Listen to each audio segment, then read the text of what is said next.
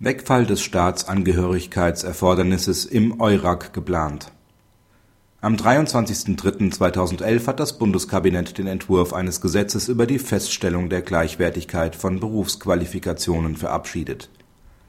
Mit diesem Gesetz möchte die Bundesregierung die wirtschaftliche Einbindung von Fachkräften mit Auslandsqualifikationen verbessern und die Integration von im Land lebenden Migranten in den deutschen Arbeitsmarkt fördern.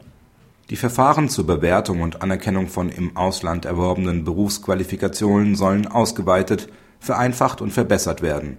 Dieses Gesetz findet im Grundsatz keine Anwendung auf den Anwaltsberuf, da § 206 BRAO und das EURAG als anwaltsspezifisches Berufsrecht prinzipiell Vorrang haben. Um die bestehenden Möglichkeiten der Anerkennung juristischer Berufsqualifikationen, die in Mitgliedstaaten der EU, anderen Vertragsstaaten des Abkommens über den Europäischen Wirtschaftsraum und der Schweiz erworben wurden, zu verbessern, sollen jedoch die geltenden Anerkennungsregelungen von der Staatsangehörigkeit entkoppelt werden.